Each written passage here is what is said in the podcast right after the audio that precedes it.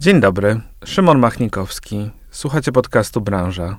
W tym programie spotykam się z liderkami i liderami w swoich dziedzinach. Pytam moich gości o to, w jaki sposób doszli tu, gdzie są, również o to, co robią, żeby dalej się rozwijać. To nie ma być podcast o biznesie, ale o ludziach, którzy go tworzą. Mam nadzieję, że osobiste historie moich rozmówczyń i rozmówców staną się dla Was inspiracją, pozwolą inaczej spojrzeć na zagadnienia, które będziemy poruszać. W dzisiejszym odcinku porozmawiamy o tym, że marka to przede wszystkim ludzie, którzy za nią stoją i o współpracy między tymi ludźmi.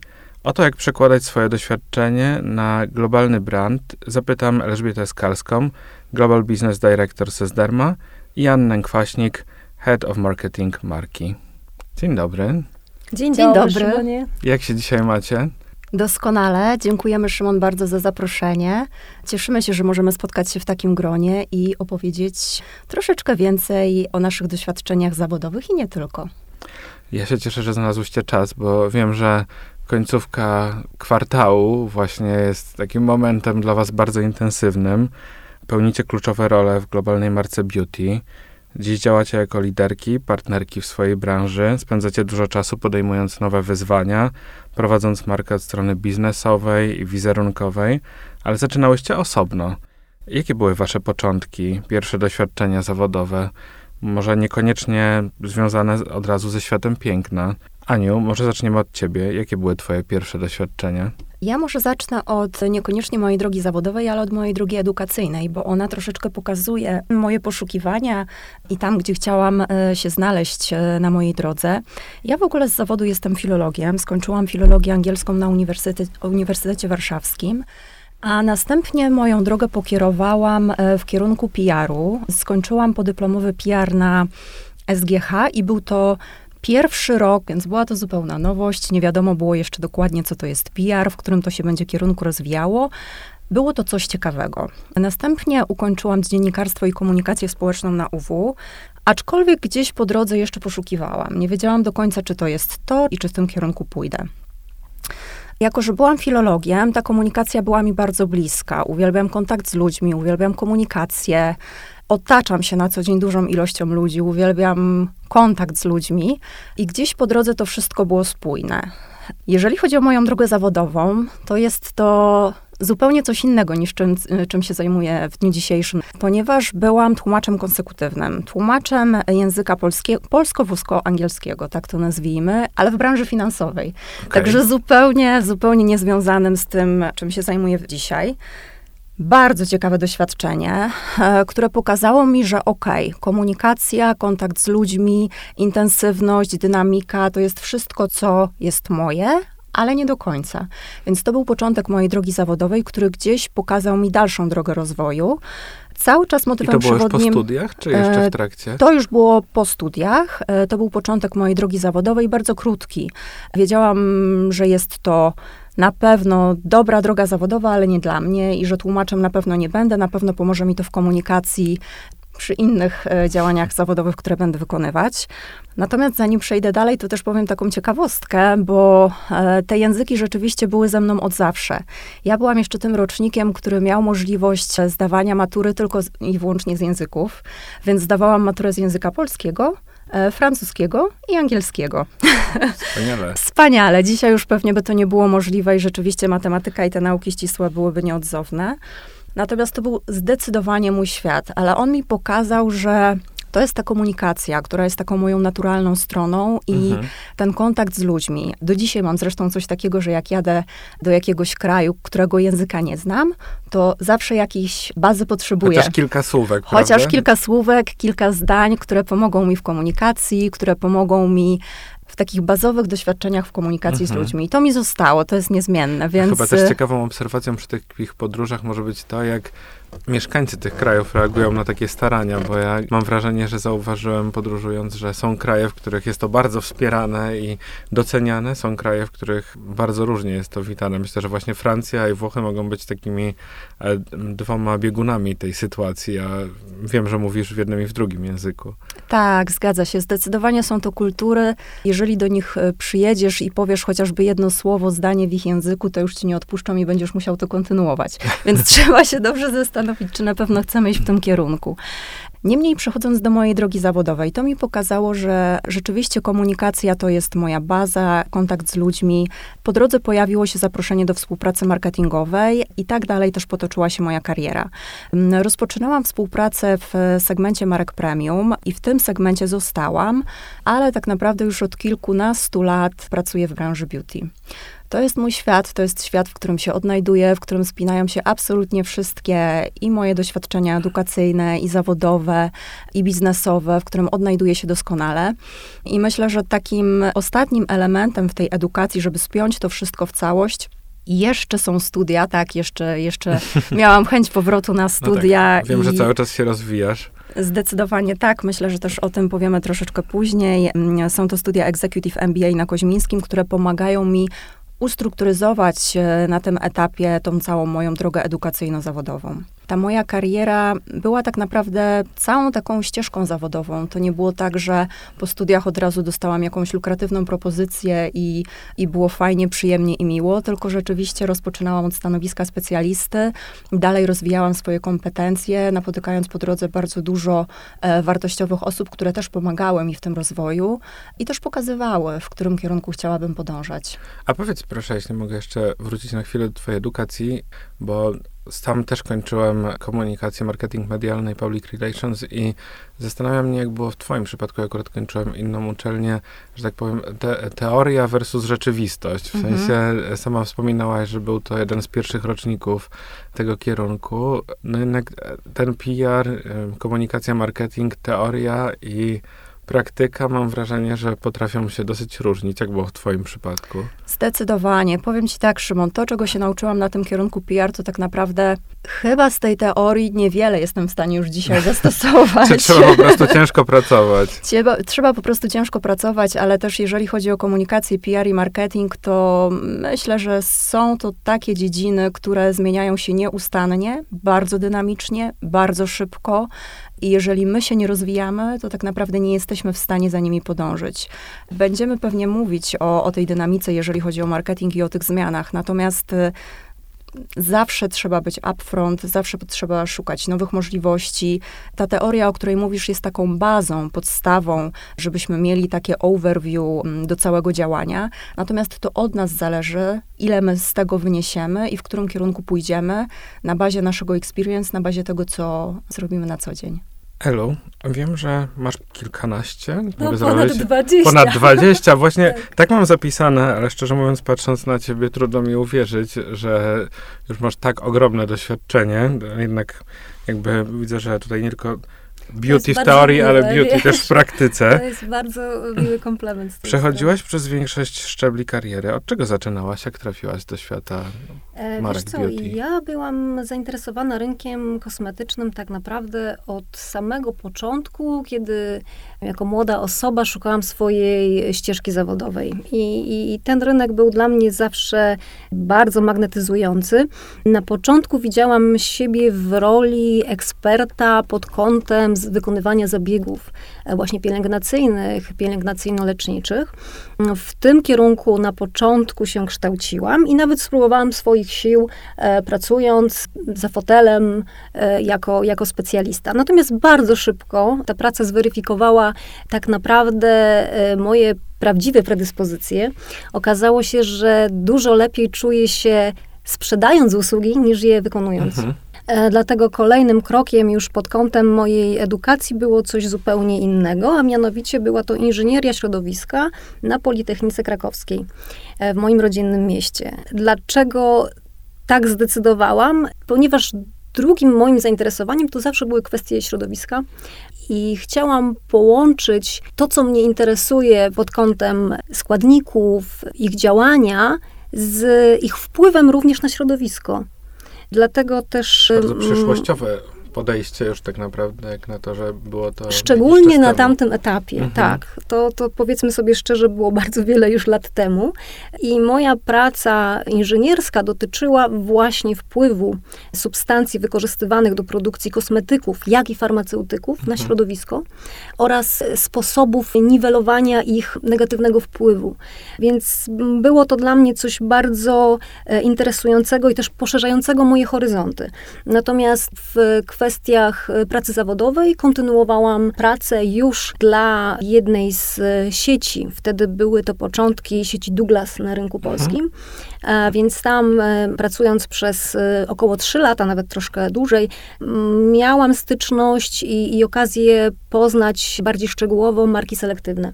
Do tej pory jestem fanką niektórych z nich i tak naprawdę e, te doświadczenia zawodowe i ten kontakt z, z, z produktami bardzo różnorodnymi, które mają no, bardzo różne wskazania, No tak, można powiedzieć, że bardzo dokładnie w sumie zbadałaś ten rynek z wielu stron, z wielu kątów, bo z jednej strony jako praktyk tak naprawdę na początku, później właśnie w kategorii takiej produktowej i wpływu składników aktywnych, aż do już takiej pracy, um, to się mówi, on the field, że tak powiem. Nie wiem, jak Dokładnie tak. Y, Praca dla sieci Douglas była pracą stacjonarną, tak to Mhm. nazwijmy, gdzie miałam właśnie możliwość poznania głównie marek selektywnych. Natomiast kolejnym etapem mojej kariery zawodowej to była praca już zupełnie w terenie jako reprezentant mm, jednej z marek y, dermokosmetycznych. Mhm.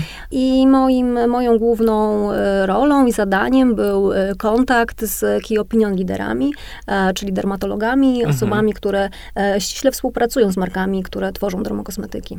I tutaj kolejny raz pewnie, na pewno jako, że tak powiem, były praktyk, miałaś dużo więcej argumentów do przedstawienia im niż po prostu jako osoba, która Ja- zajmuje się... Ja pamiętam ten, ten etap pracy jako niesamowity czas pozyskiwania wiedzy od specjalistów. To była bardzo dobra lekcja i bardzo ważna dla mnie i też skutkowała moimi różnymi decyzjami w mm, późniejszym okresie. Rozmowy z, z osobami, które najlepiej wiedzą, jak funkcjonuje skóra, jakie ma potrzeby, e, jak mm, radzić sobie z problemami, em, to, było, to była ta część wiedzy, mm, z której mogę powiedzieć, że e, wciąż czerpię po, po tylu latach. A kiedy poczułyście, że jesteście dobre w tym, co robicie? No takie może podchwytliwe pytanie, ale wiem, że w obydwu przypadkach macie dużo sukcesów na koncie. Kiedy był ten pierwszy moment, kiedy poczułyście, że Ja nie ukrywam, że u mnie z bardzo dużą osobistą satysfakcją przyjmowałam pierwsze wyniki sprzedażowe. Po Mhm. prostu. Oczywiście wszystko zaczyna się od dobrego produktu, Mhm. ale jeżeli produkt jest dobry, a ja miałam to szczęście i zaszczyt pracować dla marek, które mają bardzo dobre produkty, to reszta jest tylko kwestią wypracowania i jakby dotarcia z tą informacją, że mamy dobry produkt do właściwych osób. Na dosyć wczesnym etapie właśnie mojej kariery zawodowej okazało się, że to, co mnie najbardziej motywuje, to, to jest osiąganie takich wyników, jakie, e, jakie, jakie uważam za dobre, a że zawsze uważam, że mogłoby być lepiej, to jakby jestem w tej branży i w takim charakterze właśnie pracuję, a nie innym, tylko zajmuję się sprzedażą. Na pewno chyba takim e, kluczowym momentem był, e, był pierwszy awans w, Mhm. w firmie pierwszej dermokosmetycznej, dla której pracowałam. Zwłaszcza, że moją motywacją do pracy nie było to, żeby awansować w strukturach. Ja po Mhm. prostu chciałam bardzo dobrze wykonywać swoją pracę i, i to sprawiało mi satysfakcję, że wyniki są właśnie takie, jak być powinny i widziałam możliwości, szanse, żeby to zrobić jeszcze lepiej i jeszcze inaczej. I, I pomimo, że sama o tym nie myślałam, zostało to zauważone i zajęłam się budową już zespołu, którego byłam menadżerem. I to był jakby kolejny etap, e, etap mojej pracy. Ja się totalnie tutaj muszę z Alą zgodzić. Tak samo jak w sprzedaży, również w marketingu determinują nas KPI-e i tak naprawdę z nich jesteśmy rozliczani. Natomiast odpowiadając na twoje pytanie, Szymon, myślę, że niesamowite jest to, kiedy widzimy, jak wzrasta brand awareness marki, jak pojawiasz się w coraz większej dystrybucji, jaki masz wpływ na sprzedaż, e, jak się zmieniają wyniki dzięki twoim działaniom, jak się budują zespoły, e, jak masz coraz większą ilość podwykonawców, e, którzy chcą, chcą z tobą działać, jak jesteś na coraz większej ilości rynków. Jak dzieją się takie rzeczy, to uświadamiają ci, że tak naprawdę nie jest to tylko praca, ale jest to pasja. I dla mnie to był taki moment, który powiedział mi, że to, co robię, jest nie tylko takim działaniem, bo muszę, tylko dlatego, że chcę. I rzeczywiście jest to inspirujące, jest to e, coś, w czym chcę się rozwijać, w czym chcę działać. Na pewno praca w korporacji pokazała mi pewne możliwości, schematy działań, natomiast też dała pewne możliwości spojrzenia szerszego, globalnego. I myślę, że też patrząc e, z takiej szerszej perspektywy, gdzieś definiujesz swoje działania i swoje możliwości kierunku, rozwoju i działań, które chcesz wykonywać. No właśnie, Aniu, ty pracowałaś w globalnej korporacji, ale wiem, że też pracowałaś nad wieloma czy strategiami marketingowymi, czy działaniami dla kilku marek. Czego nauczyłaś się przy takiej pracy jako, no można powiedzieć, że owner pewnego projektu? E, zgadza się, Szymon. E, myślę, że te wszystkie projekty połączyła komunikacja, marketing 360 i zdecydowanie strategia marketingowa. Rzeczywiście są i były to bardzo różne projekty, natomiast wydaje mi się, że w tym wszystkim najważniejsi są i byli ludzie bo to jednak od ludzi uczymy się najwięcej. To oni pokazują nam coś i wartości, na które być może nie zwracamy, nie zwracalibyśmy uwagi, e, gdyby ich nie było. I tak naprawdę z każdego tego projektu wyciągamy pewne know-how, pewne nauki, pewne nie tylko same plusy, ale też pojawiają się pewne minusy, które gdzieś determinują nasze, nasze dalsze losy i działania. Natomiast dzięki temu, że jest to tak różne spektrum marek, bo nie tylko korporacje, o których wspomniałeś, globalne marki, ale też rozwój polskich marek, mniejszych marek, e, marek międzynarodowych, pokazuje tak naprawdę, że w tym wszystkim kluczowa jest komunikacja i to, w jaki sposób przygotujemy strategię do realizacji i w jaki sposób następnie będziemy ją realizować. Dla mnie są to nie, niesamowite doświadczenia. Fantastyczne jest to, kiedy widzisz, że te wszystkie projekty się rozwijają, e, że masz w tym swój udział, że, mm, że marki osiągają sukcesy dzięki tej pracy, że się rozwijają. I pokazuje to tak naprawdę też to, o czym wspomniała Ela, że jak masz dobry produkt, to od ciebie tak naprawdę zależy ukierunkowanie jego działań. No właśnie, dobry produkt to jest clue. Ja nie ukrywam, że w kuluarach zawsze się mówiło o tym, że produkty marki Sysderma to są dobre produkty. E, zawsze też o tym wspominałem, ale mam wrażenie, że od pewnego czasu rzeczywiście nastąpił taki pełny rozkwit tego, co widzimy i, e, i dotarcia marki, tak jak wspominaliśmy, dystrybucja. A jak wy trafiłyście do marki Sysderma? Co was tam przyciągnęło? Ja mogę powiedzieć ze swojej strony, rozpoczęłam moją przygodę z marką ponad 4 lata temu. Tak? Mhm. Piąty, piąty rok pracuję dla marki Sesderma, ale również dla marki Mediderma, e, bo firma Sesderma ma w portfolio dwie marki. Jedna mhm. ogólnodostępna, właśnie Sesderma i marka dla profesjonalistów, dla kosmetologów, dla lekarzy medycyny estetycznej, to jest e, Mediderma. Ja byłam na etapie e, zmiany również swoich rytuałów pielęgnacyjnych i to jest jakby normalne, że na rynku, na którym się pracuje, to no, interesujemy się tym, co, co, co na tym rynku jest obecne.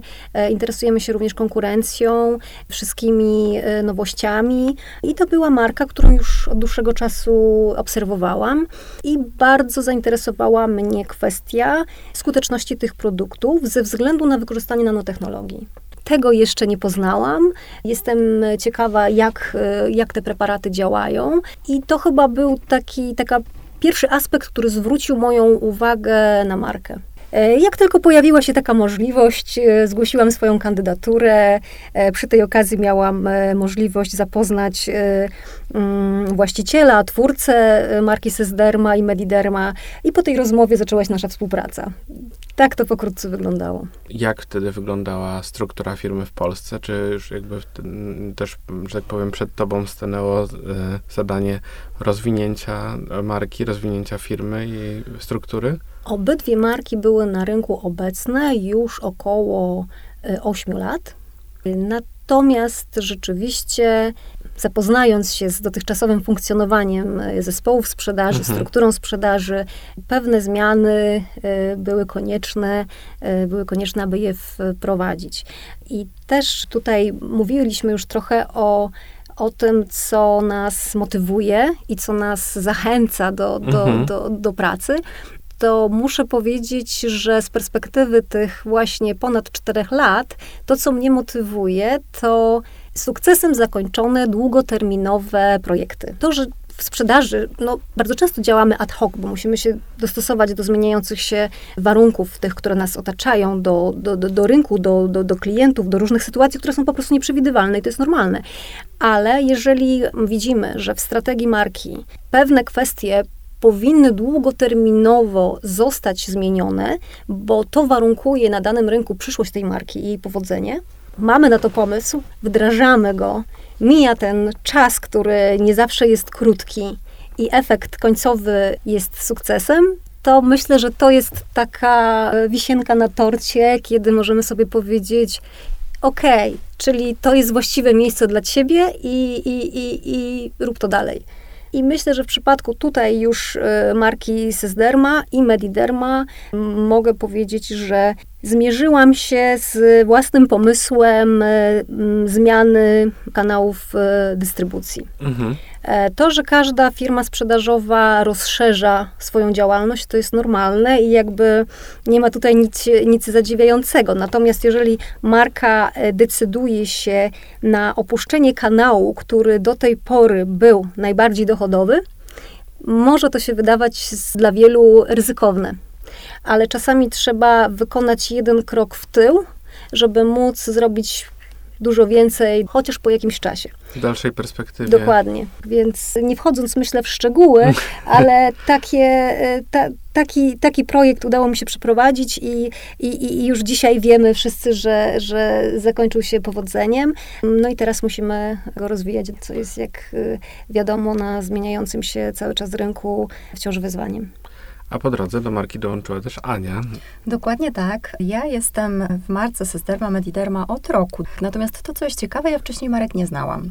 Mimo, że funkcjonuję dosyć długo w branży i, i na rynku beauty, gdzieś e, bezpośrednio nie spotkałam się e, z markami, żeby je przetestować, widzieć, w związku z czym tym większe było moje zainteresowanie. E, zostałam zaproszona do stworzenia strategii dla marek, więc zrobiłam research, byłam pod wrażeniem innowacyjności, technologii, o których wspomniała Ela i zaczęłam się zastanawiać, dlaczego tak fantastyczne produkty nie mają jeszcze takiego brand awareness, jakiego mieć powinny. W związku z czym powstała strategia i zostało mi zadane pytanie, ok, no to mamy strategię, fajnie, tylko kto ją teraz zrealizuje? Tak jak wspomniałam, zafascynowały mnie te produkty. Są to produkty zdecydowanie z ogromnym potencjałem e, do komunikacji, do stworzenia mm, odpowiedniego brand awareness. Ta wartość marki zależy tak naprawdę od tego, jak potrafimy ją zakomunikować. Mhm. Więc ten potencjał był ogromny. Stwierdziłam, że jest to niesamowite wyzwanie, fantastyczny potencjał do rozwoju i postanowiłam tak naprawdę zrobić małą rewolucję, bo ta marka, marki potrzebowały, to jest tak jak w życiu, albo wszystko, albo nic. Mhm. Albo, albo działamy i robimy coś na 100%, albo nie robimy wcale.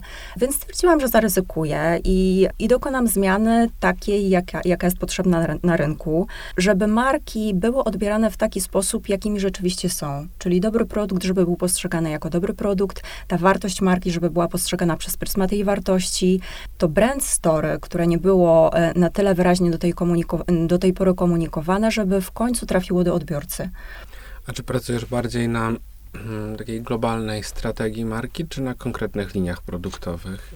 Myślę, Szymon, że taka globalna strategia już od dawna niekoniecznie e, przenosi się na nasze lokalne rynki i to mhm. nie tylko w takich markach jak ta, ale też nawet w korporacji. Rzeczywiście już dzisiaj na tym etapie jest to absolutnie niezbędne, żeby dopasować e, komunikat do naszego lokalnego odbiorcy, a wiemy, że, że wygląda to e, zdecydowanie na, na różnych rynkach inaczej. Zdecydowanie potrzebujemy lokalnej strategii, potrzebujemy działać lokalnie, potrzebujemy badać rynek, analizować rynek i potrzebujemy wiedzieć, do kogo my się komunikujemy, żeby stworzyć odpowiedni komunikat. I to jest chyba też ten komfort pracy, jeśli chodzi o, o firmę Sysderma, że możemy implementować działania, które skrojone są stricte pod nasz rynek, czy rynki takie jak Czechy, Słowacja, czy Niemcy, bo również e, za te rynki odpowiadamy. E, oczywiście kor naszego biznesu to wciąż Polska, mhm. e, natomiast i przekaz marketingowy, i e, działania sprzedażowe, różnią się między sobą i muszą się różnić, bo jednak nasza mentalność również jest pod różnymi względami inna. I y, wiemy dobrze o tym, że nie każda firma, nie każda organizacja, korporacja do końca daje taką swobodę podejmowania mhm. decyzji, jakie działania będą kluczowe i y, efektywne dla danego rynku. Ja ze swojej perspektywy mogę powiedzieć, że wiem, że jestem dużo bardziej skuteczna, kiedy mogę rzeczywiście decydować o kierunkach strategii sprzedażowej i kiedy mam to zaufanie, że mogę je kreować. Dużo trudniej jest e, być w 100% skutecznym w momencie, jeżeli strategia, którą musimy realizować, jest w jakiś sposób narzucona, a nasze już doświadczenie wskazuje na to, że nie jest to do końca. Coś się nie zgadza. Dokładnie, jednak. dokładnie. To oczywiście można na to spojrzeć z perspektywy wyzwania, mhm. że pomimo pewnych trudności jestem w stanie to osiągnąć, ale z drugiej strony y, ja myślę, że mm, wszyscy dążymy do tego, żeby praca sprawiała nam naprawdę satysfakcję i żebyśmy się czuli y, zrealizowani w tym, co robimy. I z mojej perspektywy y, niezbędna do tego jest wolność podejmowania decyzji i współtworzenia strategii. No tak, to idzie z odpowiedzialnością, którą obydwie Dokładnie. ponosicie za, Dokładnie, za markę. Tak. Także myślę, że pod tym względem tutaj doskonale się z Anią rozumiemy i dlatego jesteśmy w stanie bardzo sprawnie i szybko, nawet jeżeli pewne pomysły pojawiają się nam z nienacka, je wdrożyć i, i wykorzystać ich potencjał. A jak zaczęła się wasza współpraca? Bo wiem, że tworzycie dosyć zgrany tandem. E, dosyć szybko wiedziałyśmy, że mamy podobny punkt widzenia na wiele aspektów marketingowo-sprzedażowych i teraz byłoby świetnie przygotować plan, jak je wdrożyć, tak, żeby mogły funkcjonować na rynku i, i, i być y, oczywiście y, benefitem dla, dla, dla firmy. I teraz jest dokładnie tak, jak mówi Ela, ta synergia działania i to porozumienie e, wspólnych celów biznesowych daje ten komfort działania i realizacji tych strategii, które mamy przygotowywać na tyle profesjonalnie, żeby się nie fokusować inni, a właściwie defokusować na tych innych niepotrzebnych konfliktach, myślach, działaniach, które gdzieś sprawiają, że zbaczamy z tej naszej wybranej e, drogi do strategii, do działania. Jeżeli te, te działy w korporacjach, mniejszych firmach, średnich firmach, jakie by one nie były, potrafią wspólnie działać i mają wspólne cele, wspólne KPI, -e, no to bezpośrednio przekłada się na to wyniki biznesowe. No po prostu nie da się inaczej. No tak, muszę powiedzieć, że razem idą jednak do przodu, bo w wielu organizacjach jest jednak tak, że ten dział sprzedaży i marketingu, które powinny być jak najbardziej uzupełniające się rzeczywiście, jakby ten wynik jest efektem trochę takiego ciągnięcia w dwie różne strony i gdzieś jest wypośrodkowany. I na to... pewno przez to jest gorszy niż mógłby być, Dokładnie. gdyby była synergia działania. To jest pewne e, i myślę, że dla wielu organizacji to jest problema, problematyczne, że zespoły tracą energię na gdzieś tam e, udowadnianie sobie nawzajem, mhm. E, kto, ma rację. kto ma rację i czyja strategia bądź pomysły były bardziej trafione, zamiast skupić się jakby na tym, żeby, żeby iść do przodu wspólnie i jeżeli już, to walczyć z konkurencją, a nie ze sobą nawzajem. I ja myślę, że to jest klucz do sukcesu wielu organizacji, żeby to zrozumieć i nie tylko na poziomie sloganów, które często w, w, w, szczególnie w dużych korporacjach są wykorzystywane, ale na poziomie rzeczywistego zrozumienia i, i, i prawdziwej współpracy. Natomiast oczywiście tutaj przykład musi iść z góry i, i, żadne kwestie skupiania się na, na, na wyższości jakby e, strategii marketingowej nad polityką na przykład sprzedażową, no nie powinny mieć miejsca, tak? E, nasze działania nawzajem się uzupełniają i myślę, że najlepszym dowodem jest to, że jesteśmy tutaj dzisiaj e, razem z Anią u ciebie i rozmawiamy rozmawiamy. E, bo wszystko to, co robimy, to są, to są działania połączone i one się nawzajem uzupełniają. No tak, jednym z chyba z takich dowodów na to jest to, że też jeździcie dużo na, wspólnie na szkolenia, na spotkania z klientami, um, uczestniczycie razem w wydarzeniach marki. Powiedzcie, jak w ogóle przez te ostatnie kilka lat zmieniła się praca z, z klientem, zarówno jakby od tej strony takiej sprzedażowo-produktowej, jak i komunikacyjno-marketingowej? Jeżeli chodzi o komunikację, to myślę, że nie tylko przez ostatnie kilka lat, ale już dużo wcześniej, Mhm. klient jest w centrum uwagi i zdecydowanie będzie. To consumer centric dzisiaj jest kluczowe i, i, i tak naprawdę musimy to wziąć pod uwagę pod wszystkimi aspektami, czy marketingowymi, czy sprzedażowymi, czy bi- biznesowymi. Mhm. To, co tak naprawdę ma znaczenie, to oczywiście produkt, o którym tak dużo mówimy, ale już nie sam produkt dzisiaj, to doświadczenie. Czyli to, w jaki sposób klient czuje się po wykorzystaniu, użyciu danego produktu. Czyli to experience i to dostarczenie przeżycia klientowi jest dzisiaj e, niesamowicie kluczowe. Wiem, że bardzo często jest taki sztampowy, sztampowe powiedzenie, że, że marketing to reklama i znak równości. Absolutnie od bardzo dawna to już nie jest. Jak zresztą napisał jeden z moich guru marketingu, Seth Godin, od bardzo dawna już mówi, że marketing nie jest reklamą. I rzeczywiście tak jest. Ten marketing dzisiaj jest bliżej tej komunikacji e, niż tym innym działaniom, z którymi był powiązany do tej pory. Dodałabym tutaj jeszcze, że mm, te działania marketingowe nie dotyczą już dzisiaj rzeczy ale dotyczą historii. Historii, które opowiadasz. I ja od zawsze opowiadam, że to brand story marki jest czymś, e, czym, powi- m, co powinniśmy tak naprawdę na co dzień bardzo szeroko komunikować.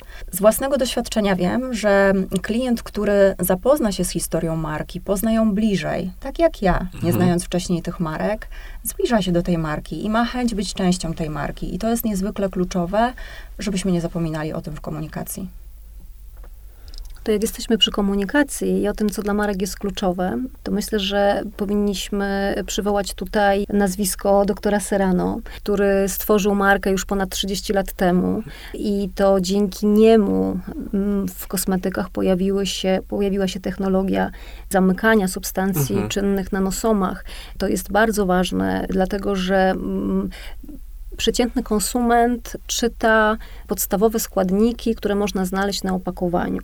I dla konsumenta informacja, że nie wiem, znajduje się przykładowo kwas hialuronowy, jest informacją, że kwas hialuronowy znajduje się w tym produkcie, więc musi działać w określony sposób.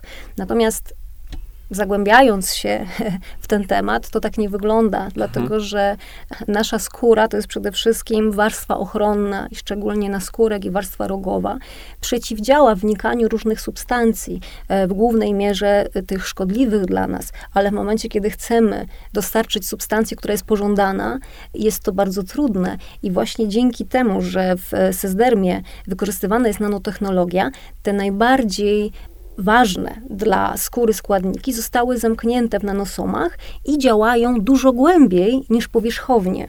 I to myślę jest takim e, kluczem, który, który odróżnia też e, markę spośród wielu dostępnych mm, na rynku dermokosmetycznym i też gwarantuje skuteczność. Dlatego myślę, że ta komunikacja, o której tutaj rozmawiamy, to jest w naszym wypadku uświadomienie klientom, odbiorcom, konsumentom, z czym wiąże się stosowanie naszych preparatów i czym ono się różni. Pytałeś tutaj e, o kwestię mm, zmiany przyzwyczajeń czy oczekiwań klientów. Na pewno dzisiejszy klient to jest w dużej mierze klient wyedukowany. I klient, który chce otrzymać wiarygodne, konstruktywne informacje o produkcie, którego używa bądź zamierza używać. Dlatego w naszej strategii jest też e, zawarta szeroka komunikacja o tym, jak powstają nasze produkty, na jakich technologiach są oparte i dlaczego e, gwarantują skuteczność. Bo składnik oraz składnik w dwóch różnych preparatach może nie mieć działania zupełnie, a może Mhm. mieć działanie dogłębne i rzeczywiste. I to pokazuje, jak technologie są ważne pod każdym względem. I marka je posiada, marka cały czas się rozwija, marka się cały czas udoskonala, cały czas powstają nowe składy, o których wspomniała Ela, więc ta innowacyjność dzisiaj jest absolutnym must have. I ta innowacyjność na wszystkich poziomach. Na m, poziomie produktowym, na poziomie marketingowym, na poziomie sprzedażowym, na poziomie biznesowym. Jeżeli to się łączy, no to jest tylko gwarancja do sukcesu, ale nie możemy zostać w tyle, tylko rzeczywiście musimy być zawsze upfront przed wszystkimi. Tak, mam wrażenie, że jednak mając ten dobry produkt, można sobie pozwolić na opowiadanie historii, tak jak wspominałaś, na te przeżycia, emocje. Wiem, że niedawno e, wystartowałyście z pokazami filmowymi. Wiem, że robicie też dużo niestandardowych działań wokół marki i, i myślę, że to też na koniec jest bardzo, bardzo ważne, żeby właśnie wyróżnić się, no bo powiedzmy sobie, że właśnie tak jak wspominałaś, Aniu, nie jest to już tylko reklama, prawda? Marketing dzisiaj nie jest tym, co jeszcze niedawno. Może tak, Szymon, żeby ci zobrazować, jak to wygląda na osi czasu. Kilka dosłownie dat, kilka, ale powiedzmy, uplasujmy się, kluczowych, uplasujmy się w roku 1900, gdzie kluczowe w marketingu były cechy. 25 lat później korzyści. 25 lat później, uwaga, emocje, które mhm. znowu dzisiaj wróciły. Rok 2000 to przynależność, a dzisiaj tak naprawdę zmieniło się wszystko. Ten klient, o którym mówiłam, że jest w centrum, są te emocje, ale też zaufanie do marki. Zaufanie, które my w komunikacji potrzebujemy sobie zbudować. I te działania, o których wspomniałeś, te niestandardowe działania, to jest właśnie to, w jaki sposób chcemy komunikować się z naszym odbiorcą. Czyli nie pokazywanie nachalne, mm, w prosty sposób, jakie są nasze cele, tylko tak naprawdę nawiązywanie tych relacji i ta empatia, która dzisiaj jest słowem kluczem, o której dzisiaj tak wiele wspominamy bo na koniec dnia klient nie wybiera produktu, marki, tylko wybiera wartości, które za nią stoją. Wybiera to, gdzie chce przynależeć, e, wybiera to, gdzie czuje się dobrze, wybiera środowiska, do których, w których czuje się dobrze. Zwłaszcza ten młody klient, świadomość, o której wspomniała Ela i to, w jaki sposób oni analizują marki, które wybierają, totalnie się zmieniła. Więc ta niestandardowa komunikacja to jest zdecydowany klucz do sukcesu. No i musimy też zwrócić uwagę na to, że mm, firma Sysderma w blisko 80% budowana jest przez kobiety. Mhm. To kobiety głównie dla obydwu marek y, Sysdermy i Meddermy pracują, a naszymi odbiorcami z kolei są również w głównej mierze kobiety, więc jakby e, kwestia też działań, które, które w, wspierają te kobiety, które e, są w stanie poświęcić bardzo dużo, żeby, żeby pomóc innym, żeby móc żyć zgodnie z swoimi wartościami, bardzo wspieramy tego typu inicjatywy i uważam, że to jest spójne również z produktem, który kierowany jest dokładnie do tego środowiska i potrzeby tego środowiska unaocznienie może szerszej publiczności działań jednostek wybitnych jest też naszym obowiązkiem. Czyli jest to taka wasza społeczna odpowiedzialność tak naprawdę i to kolejny element niezwykle dzisiaj ważny, zarówno w biznesie, jak i w komunikacji. Myślę, że przede wszystkim widzę, że przyszłość jest kobietą tutaj w e, branży o, lifestyle, także jest to wspaniałe. Ale powiedzcie jeszcze troszeczkę o waszym dniu pracy, bo jakby macie dużo sukcesów, prowadzicie markę, która wzrasta, e, rośnie z tego, co się orientuje, dużo szybciej niż średnia rynkowa. Cały czas e, no, czuję też nowe linie, produkty, projekty, no ale w tym wszystkim musicie też no, znaleźć czas przede wszystkim na wiele zadań, a po drugie też o zadbanie o same siebie, więc powiedzcie, jak wygląda wasz dzień pracy i jak znajdujecie w tym wszystkim work-life balance? Wiesz co, dzień pracy jest e, zwykle mocno zróżnicowany, to znaczy dni bardzo często są niepodobne e, do mhm. siebie. My oczywiście mamy e, nasze, nasze spotkania wewnętrzne, które, które są w kalendarzu zapisane z wyprzedzeniem, natomiast Najczęściej musimy te terminy zmieniać, bo dzieje się coś, co jest bardziej istotne, albo po prostu chcemy być tam, gdzie dzieje się coś istotnego dla naszych klientów. Tak jak e, chociażby przez cały ten miesiąc podróżowaliśmy po Polsce w ramach szkolenia Akademia Mediderma i, i to są zawsze bardzo cenne doświadczenia. To jest ten kontakt z naszym, z naszym klientem, który, który bardzo dużo wnosi też y, pod kątem budowania dalszej strategii, kolejnych działań. E, ja chyba, Szymon, nie będę będę oryginalna, bo pewnie słyszysz to od wielu marketingowców. Doba dla marketingowca się nie kończy nigdy. Tak, nie da się tutaj żadnych ram czasowych określić. Te projekty są absolutnie nieustrukturyzowane. Natomiast moja mama zawsze mówi mi coś takiego, jak nie masz czasu, to znajdź sobie jeszcze jedno zajęcie. I rzeczywiście tak jest.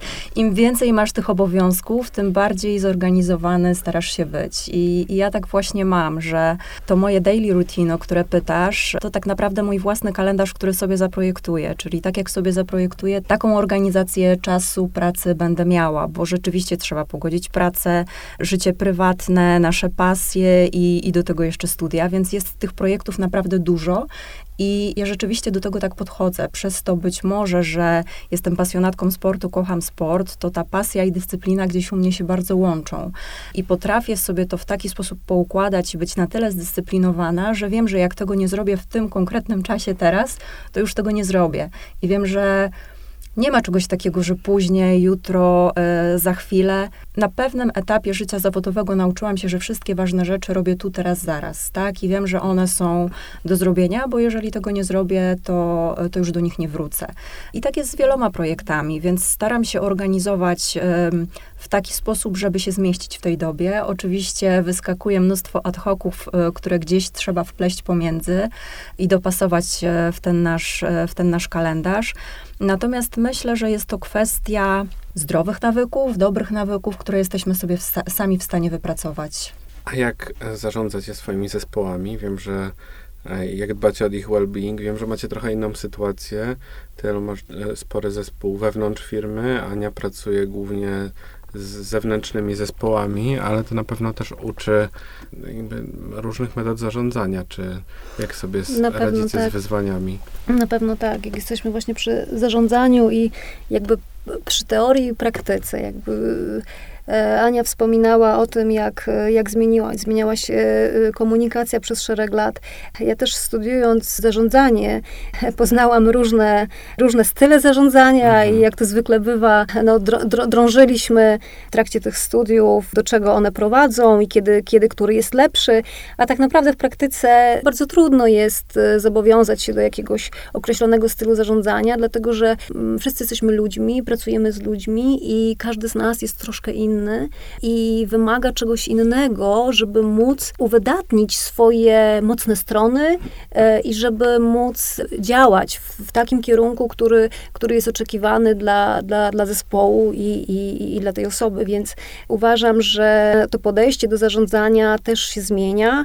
E, zdecydowanie z każdym moim zespołem, który tworzyłam i którym później zarządzałam, mogłabym wymienić kilka różnic i one mhm. zawsze były związane z tym, że już budowałam ten zespół w innym czasie, już otoczenie konkurencyjne było inne i inny był potencjał tych osób, które były w zespole. Dlatego wydaje mi się, że najważniejsza jest taka czujność i uwaga na innych ludzi, na naszych współpracowników i też baczna obserwacja, co motywuje i sprawia, że możemy dalej podążać i osiągać sukcesy, a co uwstecznia. E, praca, szczególnie w sprzedaży, to jest praca, gdzie trzeba kochać konkurencję. Konkurencję ale nie tyle z tymi, którzy są na zewnątrz, ale trzeba lubić konkurować e, samemu ze sobą. Bo w sprzedaży nigdy nie kończy się jakiś etap raz i... Nie ma mety. Nie ma, nie ma. To jest tak, że kończy się jeden miesiąc, kończy się jeden kwartał i jakby głowa już musi być daleko do przodu. Trzeba zrobić korekty pewnych estymacji, które powstawały oczywiście dużo wcześniej. I po prostu myślę, że trzeba to lubić wiele osób potrzebuje czasu, żeby sobie mhm. uzmysłowić, mhm. czy to jest rzeczywiście droga dla mnie, czy nie. Bo czasami z zewnątrz to wygląda e, zupełnie inaczej, niż już kiedy w to wejdziemy i spotykamy się z pierwszymi problemami, e, z m, jakimiś konfliktami, czy to z klientem, czy z współpracownikami. E, I tutaj no, trzeba być ponad tym i widzieć swój cel. I to jest dla mnie w, w sprzedaży najistotniejsze, e, żeby ten cel i ta chęć, żeby go osiągać, e, towarzyszył nam codziennie. Właśnie cele bardzo istotne. Jakie macie cele? Krótko, długoterminowe? Biznesowe? Biznesowe, osobiste? Ja bardzo chciałabym e, kontynuować swoją pracę w taki sposób, żeby móc czuć satysfakcję. E, myślę, że jestem już na takim etapie i kariery, i, i, i mojego życia, że ja nie chcę tracić y, czasu na robienie czegoś, co mnie nie buduje, co nie sprawia mi satysfakcji, co mnie nie rozwija. Myślę, że tak długo moje pełne zaangażowanie ma miejsce, dopóki y, no właśnie czuję, że, że, że, że się realizuje i że to jest to, to co chcę robić, to jest ten, to miejsce, w którym chcę być. I, I ci ludzie, którymi chcę się otaczać. Ja dodam do tego, co powiedziała Ela, dla mnie słowem klucz myślę, że będzie pasja czy biznesowo, czy prywatnie, czy na e, jakiejkolwiek płaszczyźnie.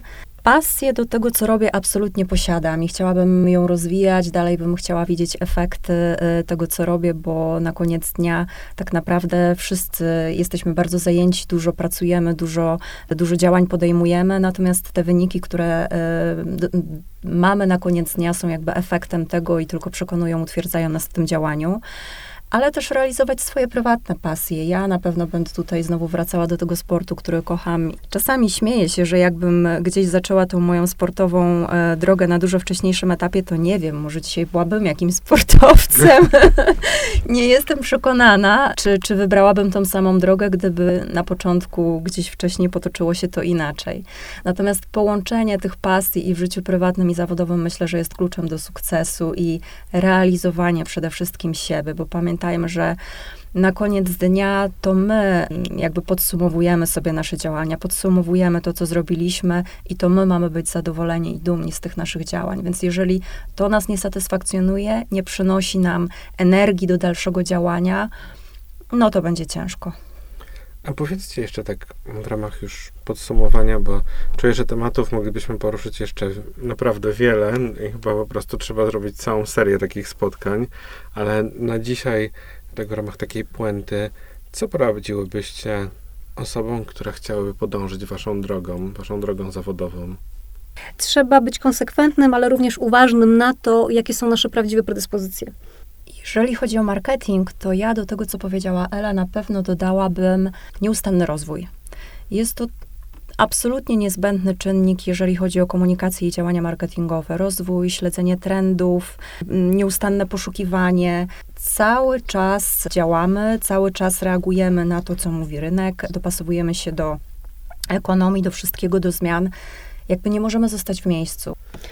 Ja tylko dodam, bo ciężko mi tego nie zrobić, że obserwacje tego, co się dzieje, śledzenie trendów, poszerzanie naszej wiedzy, mm, to są rzeczy bardzo ważne, ale z punktu osoby zajmującej się stricte sprzedażą, uważam, że nie warto sugerować się tym, co dzieje się wokół. To znaczy, dla mnie ważne jest to, co robi konkurencja, ale tylko pod kątem, żebym wiedziała, czego nie powielać. I to nie dlatego, że to są złe działania, bo to są w większości bardzo dobre działania, tylko dla mnie ta innowacyjność pod kątem działań i tego, jak podchodzimy do sprzedaży, do, do ofert, do, do wszystkiego, co wiąże się z tym, co przynosi sukces y, finansowy dla firmy, powinno być innowacją. Także innowacyjny produkt i innowacyjne podejście do, do zarządzania. Innowacyjna i komunikacja. Innowacyjna komunikacja. Czyli innowacyjność. Z tym słowem zakończymy nasze spotkanie. Dziękuję Wam bardzo. Elżbieta Skalska i Anna Kwaśnik z marki Sesderma były E, moimi i Państwa gościniami. Słuchaliście podcastu Branża. Dziękuję bardzo. Dziękujemy, Szymon. Dziękujemy.